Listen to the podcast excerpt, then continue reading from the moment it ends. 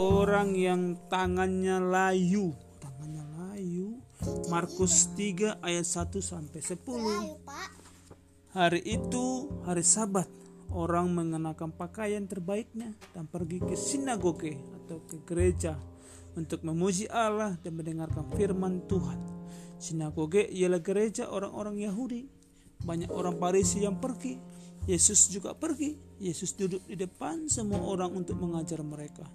Di antara orang ramai itu ada seorang yang tangannya layu, tangannya kurus, terus bengkok, kemudian kering, sehingga tidak dapat digunakan tangannya nggak bisa dipakai ke mana-mana. Mama bisa pegang Iya.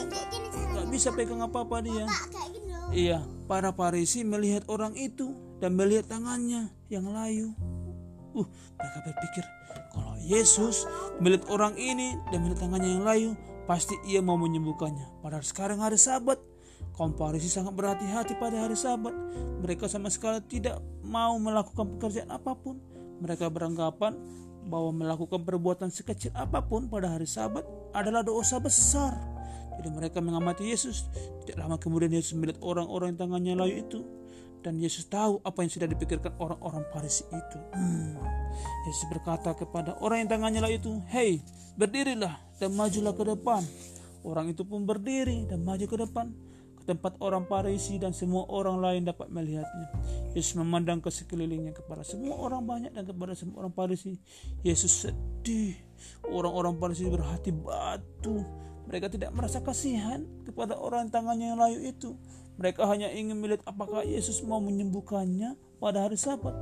Yesus bertanya sama orang Farisi itu, "Hei, katakan kepadaku, apa yang dibenarkan? Apakah dibenarkan melakukan hal yang baik pada hari Sabat?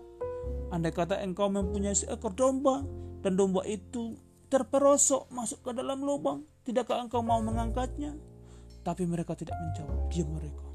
Lalu Yesus berkata kepada orang-orang yang tangannya layu itu, Hei rentangkan tanganmu, dia bilang. Orang itu merentangkan tangannya dan lihatlah, tangannya pun sembuh. Akhirnya jadi kuat dan lurus seperti tangannya yang satu lagi. Lalu orang-orang Farisi menggerutu. Uh, tetapi orang itu sangat gembira karena dia sudah sembuh dan Yesus pun pergi. Dia menyembuhkan banyak orang sebanyak yang datang kepadanya. Amin.